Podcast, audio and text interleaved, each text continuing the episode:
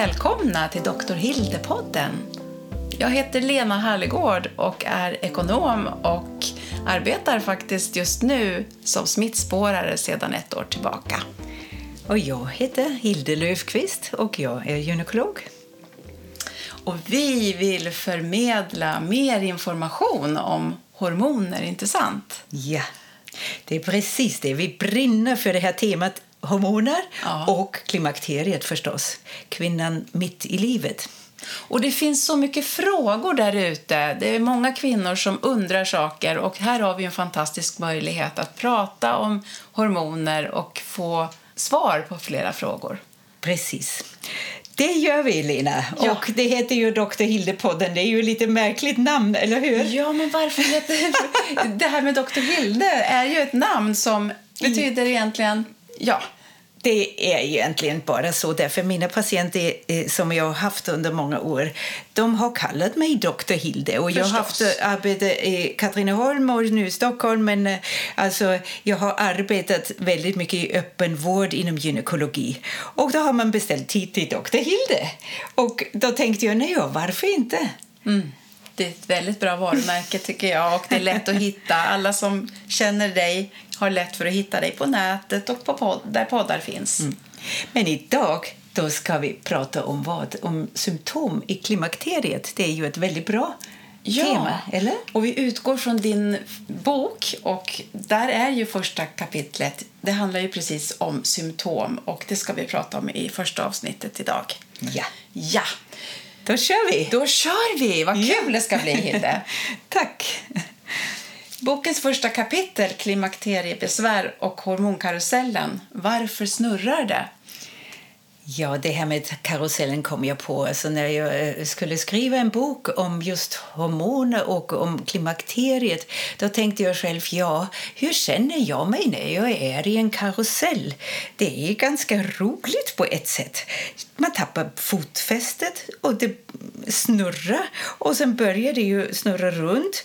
Och även i en berg- och dalbana är det roligt att det först går lite upp och ner men man skulle inte vilja ha det hela tiden. Då blir det för mycket.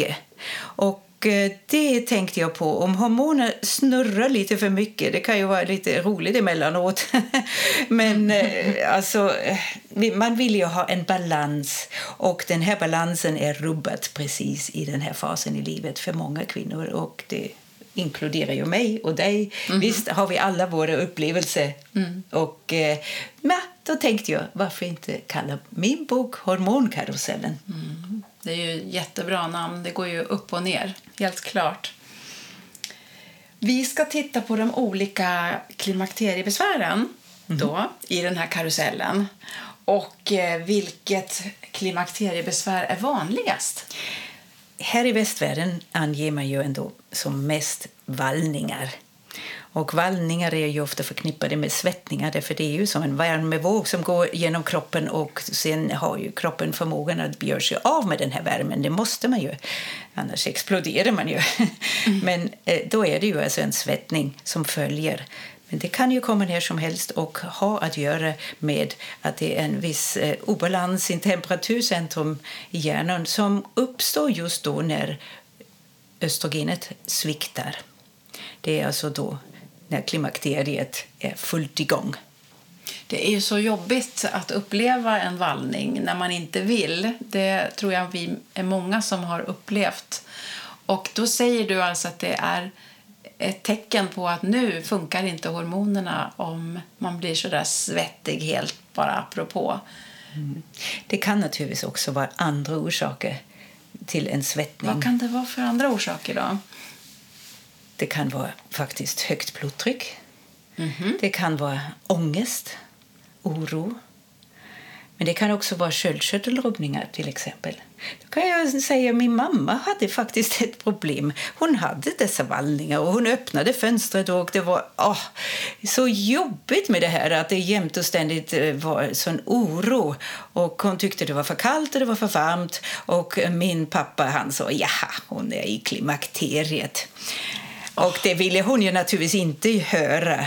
Och vi skrattade och då ja, blev hon ju arg. Det är väl ungefär som en tonåring som får höra att de är en tonåring. Det är ju, Just man vill bara inte höra. Nej, ja. Nej. men då hade jag ingen förståelse för min mamma, jag, för jag var ju själv en Ja, du tonåring. var ju det.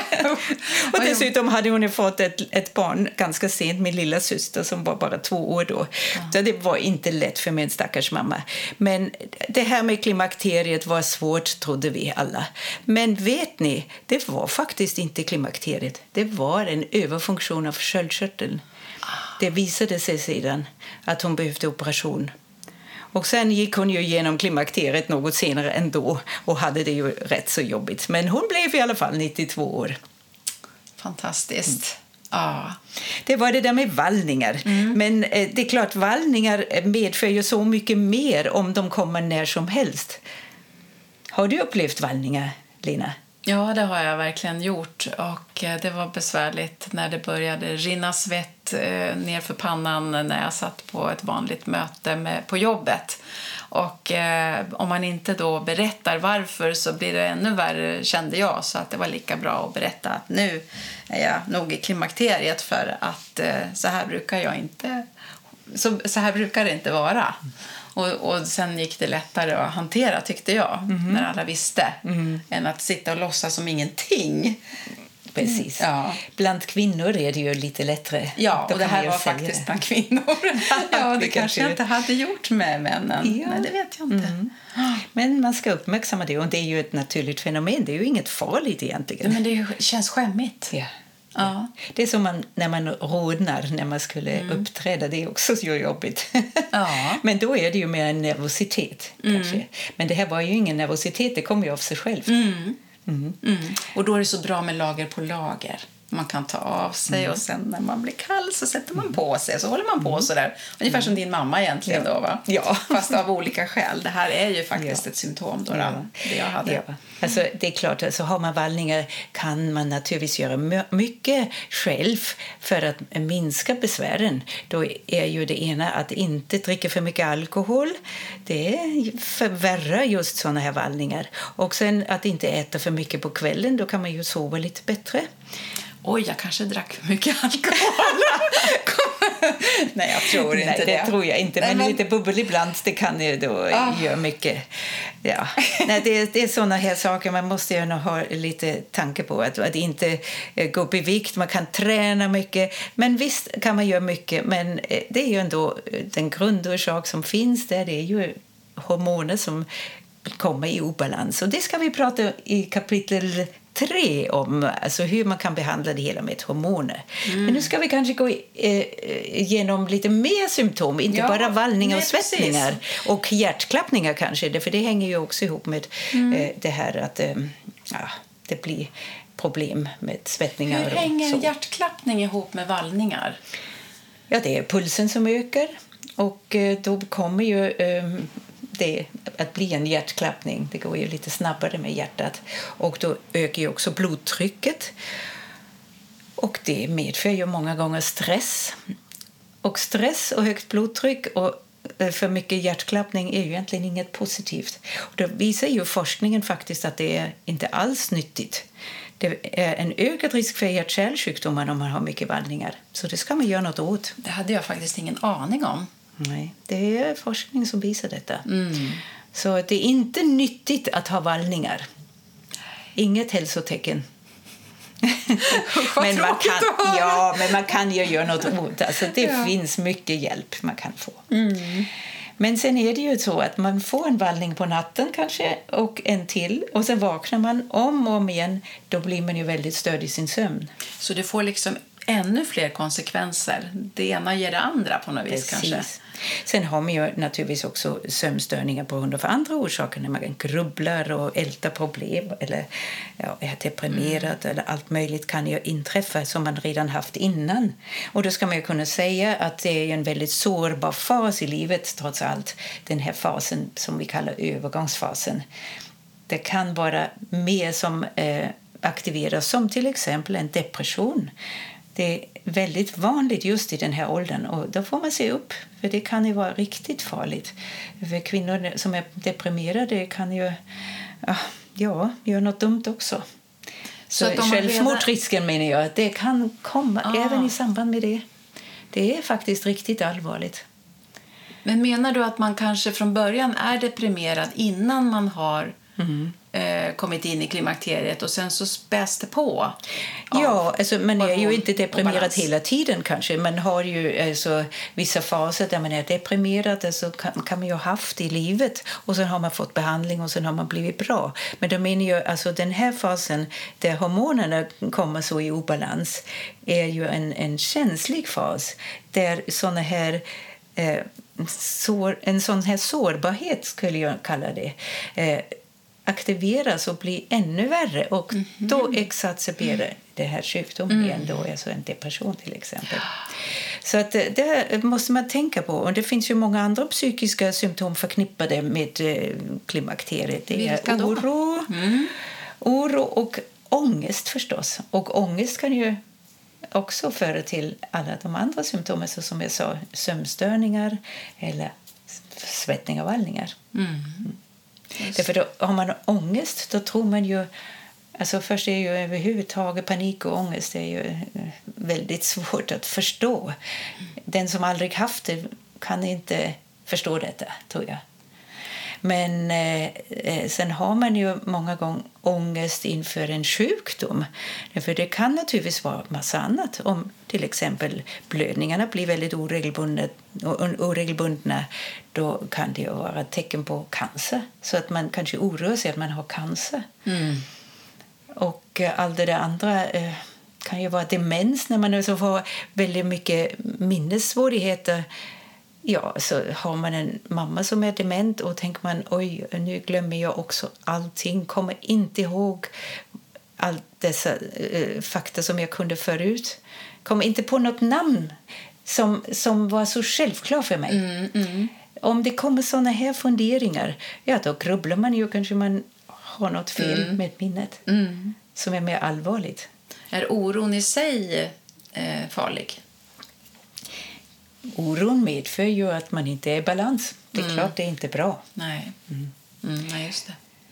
Och sen för oron ju också till att man är väldigt eh, inne i sig själv och eh, centrerad. Och hur bearbetar man sin oro? Ja, vissa kanske tröstäter. Mm, då går man upp i vikt. Ja, och det kan ju vara ett symptom också att eh, klimakteriet medför ju ofta en viktökning. Och det ska inte ha ett direkt samband egentligen med östrogen och hormonbalans och så vidare. Inte i början i alla fall, men eh, indirekt kanske. Eh, det här med viktökning, alltså, du men, menar du, eller du har pratat om att om man äter som man brukade göra innan och sen kommer man in i klimakteriet eh, så behöver man röra på sig mer och äta mindre, eller räcker det med det ena? Jag tror att det är en gradvis övergång från kanske 35 års ålder eller något sådant att man helt enkelt har en annan ämnesomsättning med tiden. Och vi är ju så vana att äta precis lika mycket och oftast är ju portionerna så precis lika. Så kan man på restauranger då får man en portion, punkt slut. Alltså, ofta äter man ju upp den då, för det smakar ju gott. Men egentligen behöver man inte lika mycket. Men visst är det märkligt egentligen att det är standardstorlek på portioner. Ja. Det är ju så olika vad man har för Precis. behov. Och sen ska man ju förbränna allt det här. Och förbränningen kan ju vara väldigt annorlunda när man då kommer in i den här eh, fasen i livet. Och också åldern har naturligtvis en betydelse. Och eh, alla andra hormoner går ju ner också. Tillväxthormon till exempel. Det blir ju inte lika mycket eh, proteiner, det blir ju fett istället. Och, eller stressen ökar ju då sockret i blodet, alltså glukosen. Och då blir det ju mer insulinsvar och insulin gör att man blir hungrig, då äter man mer. Eh, och eh, insulinökning gör att även eh, energin sparas i fettcellerna. Alltså det ska ju inte släppas det, för det ska man ju ha för sämre tider. Så det är så, när man har mycket insulin i blodet då, då, blir man också, då har man ju också eh, mer fett sedan. Och då sätter sig fettet precis på magen, eller? Ja, det är ju också någonting, det här med magen, att man får sån här mage så som en ölmage, det är ju inte bra alls. Det, för det har ju män, det har ju inte kvinnor. Kvinnor har ju sitt eh, oftast på höften. Men det, det sker alltså en förändring till det här med manliga och det har att göra med manliga hormoner faktiskt. Så är det ett tecken på att man får mer testosteron när fettet sätter sig på magen? Oj, oj, Nej. oj, det vore väl förfärligt. Nej, Nej. så enkelt är det inte. Nej. Nej, det blir alltid Eh, en relation mellan hormonerna naturligtvis. Alltså det blir ju lite mer manlig fettfördelning, det kan man säga. Och det beror ju på att östrogen går verkligen ner så ordentligt efter menopausen att det är verkligen ner i själva varvet. Eh, och eh, då har man ju inte lika mycket svikt på de manliga hormonerna. Då blir det ju en relativ dominans av de här eh, manliga hormonerna i förhållande till det här väldigt låga östrogenet. Så kan man säga. Ja, det, är, det är komplicerat, Det hör är jag. mycket komplicerat. Mm. Eh, ja, alltså, vi sa ju det här med vikten, men det är inte det enda, eh, det enda symptom. Alltså, vi har ju mycket mer. Vad har vi för fler symptom? I, I boken har du en så fin bild med olika symptom. Och Vi har pratat om många, men det finns ju fler som sagt. Vi kanske kan gå vidare på det här tänka oss att nu är du svettig och du har gått upp i vikt och du får dina attacker. Tror du att eh, du har lika mycket sexlust? Ehm, det beror ju på, tycker jag. Jag, hade, nej, jag ska inte prata så mycket om mig själv, men vi säger så här. Om man eh, hittar en ny partner i livet när man kommer in i klimakteriet då kanske man fortfarande känner sig attraktiv och har sexlust fastän man eh, egentligen kanske inte skulle ha känt så om man gick upp i vikt och var svettig och eh, ja, kände av de här negativa eh, symptomen. Så att det där är ju lite lurigt. Men jag tror generellt att mitt svar skulle vara att nej, jag skulle nog inte känna så stor sexlust som tidigare med de här symptomen. Ja, jag möter ju många kvinnor som söker just för det här minskade sexlusten. Det är ju väldigt vanligt. Från vilken ålder då?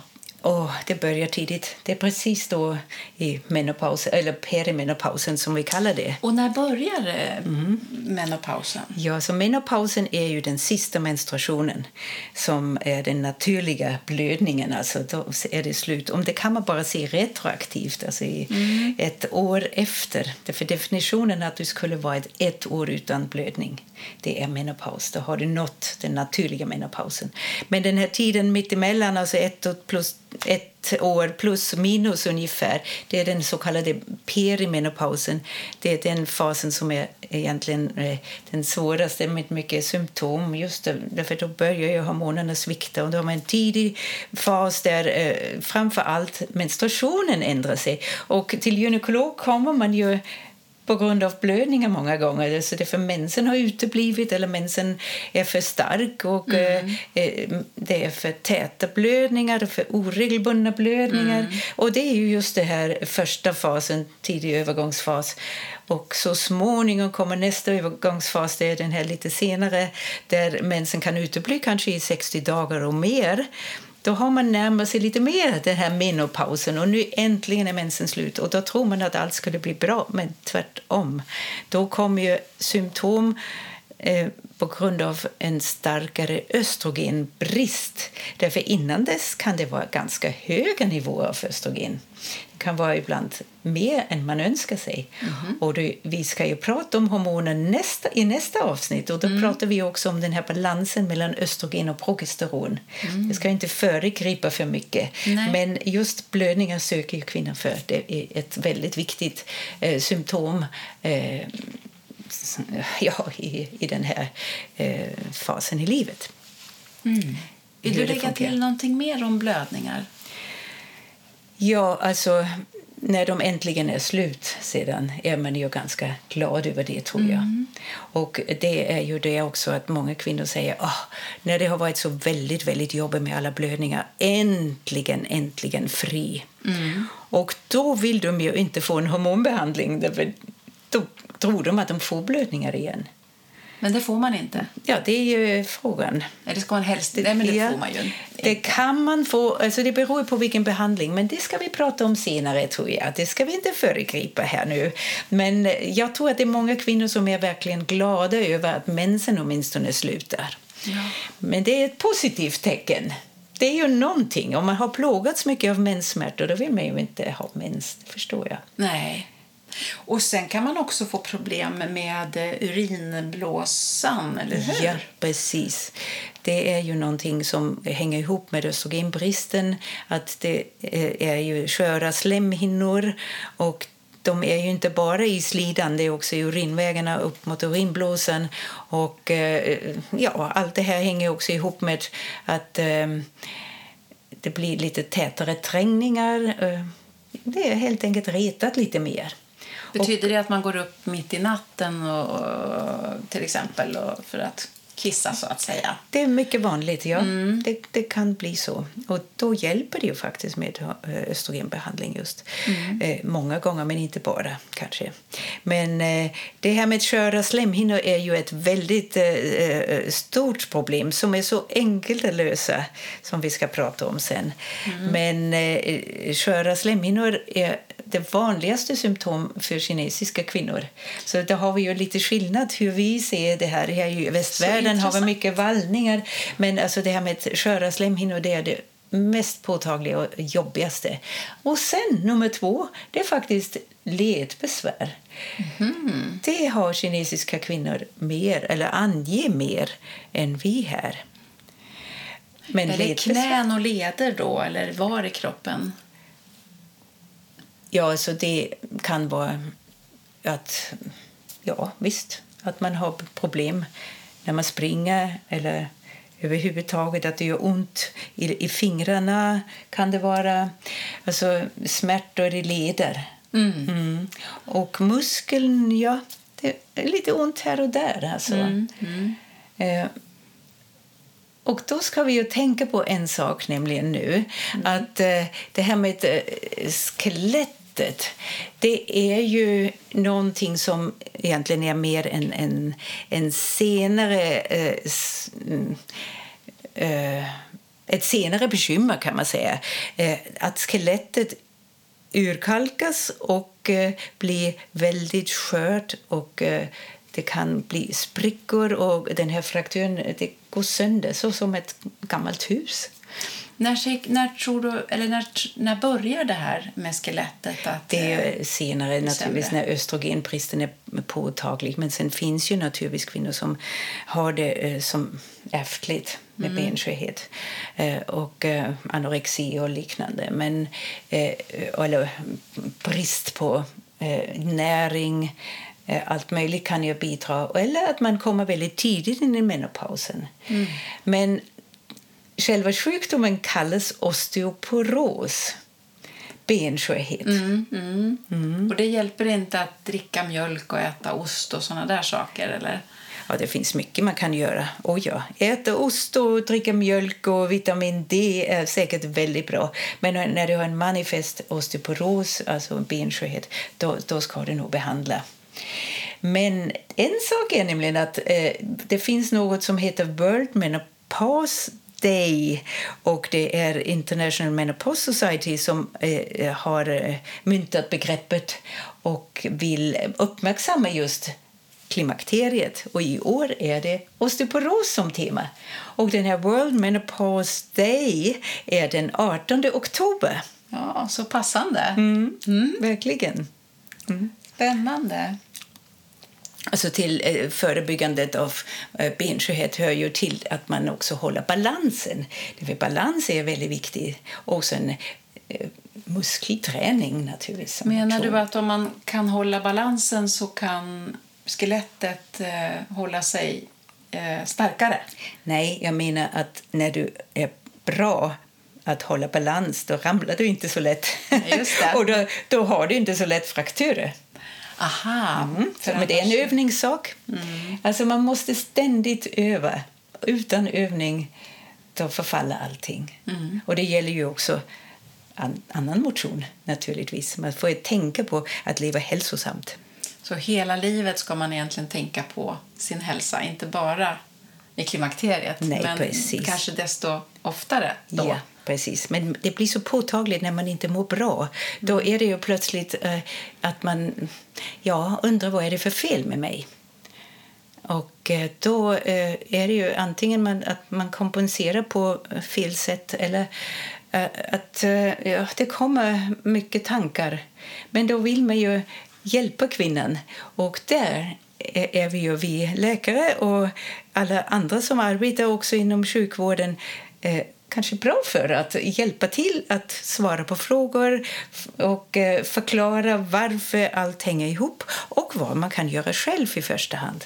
Och visst är det så att ni har ett verktyg för att eh, eh, uppskatta hur mycket symptom en kvinna har. Vad heter det? Det heter Menopause Rating Scale. Kan du berätta lite mer om det?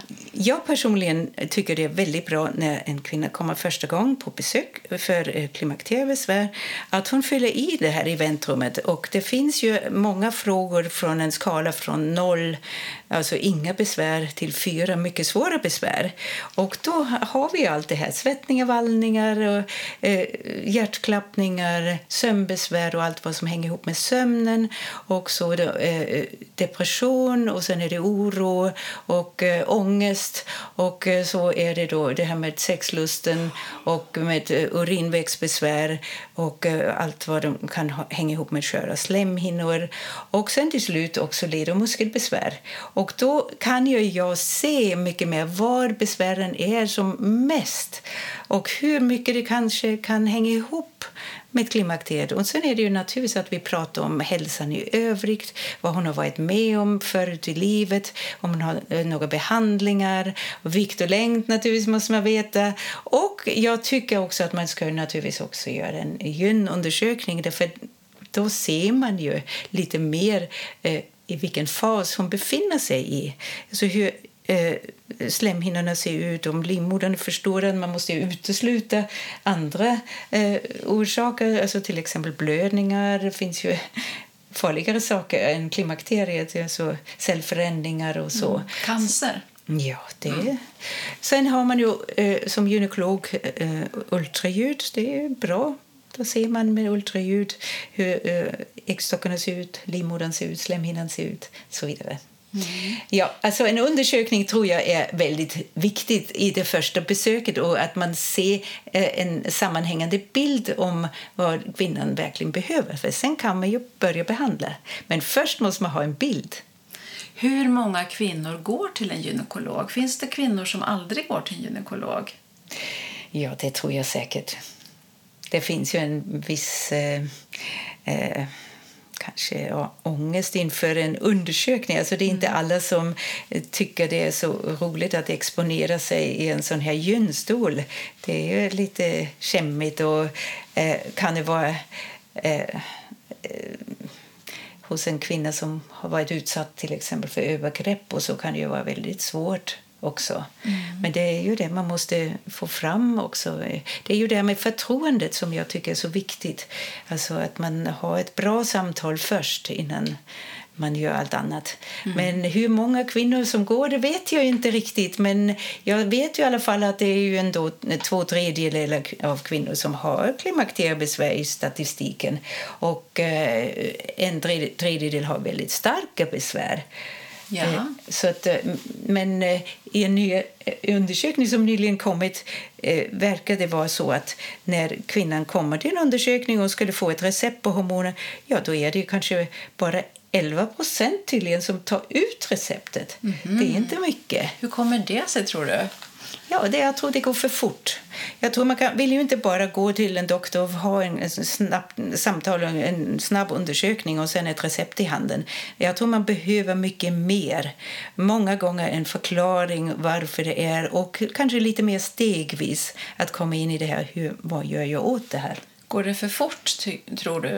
Eh, en del av de här besöken som kvinnor gör hos gynekologer. Går Tror det- jag. Ja, de, Det är inte bara hos gynekolog, det är kanske hos allmänläkaren. Och hos allmänläkaren, ja, om man kommer då och säger att jag har ju så eh, besvärligt med min sömn och sen är jag ju så nedstämd. Ja, men då, då tror ju kanske allmänläkaren att det är en depression och ger henne antidepressiva. Och sen säger hon att hon inte sover alls, då kanske man ger sömnmedel. Och då är det ju egentligen helt fel om det skulle vara ett klimakteriet. mm, man borde alltid tänka på åldern också. Ja, ja men det går ju fort. Det, det är ju alltså att den mottagningen, då, då har man inte så mycket tid. Mm. Det är därför tror jag det är viktigt att kvinnan själv förbereder sig och läser på och eh, hämtar ku- kunskap. Och det är därför vi försöker förmedla detta genom den här podden. Ja, vi vill vara ett stöd till Mm. er kvinnor som befinner er i den här fasen i livet. Ja, det vill vi. Och då vill jag passa på att säga att om du nu efter att ha lyssnat på oss eh, känner att du har någon fråga så kan du ställa den på info.drhilde.se. Gör det och då har du möjlighet att kanske få svar.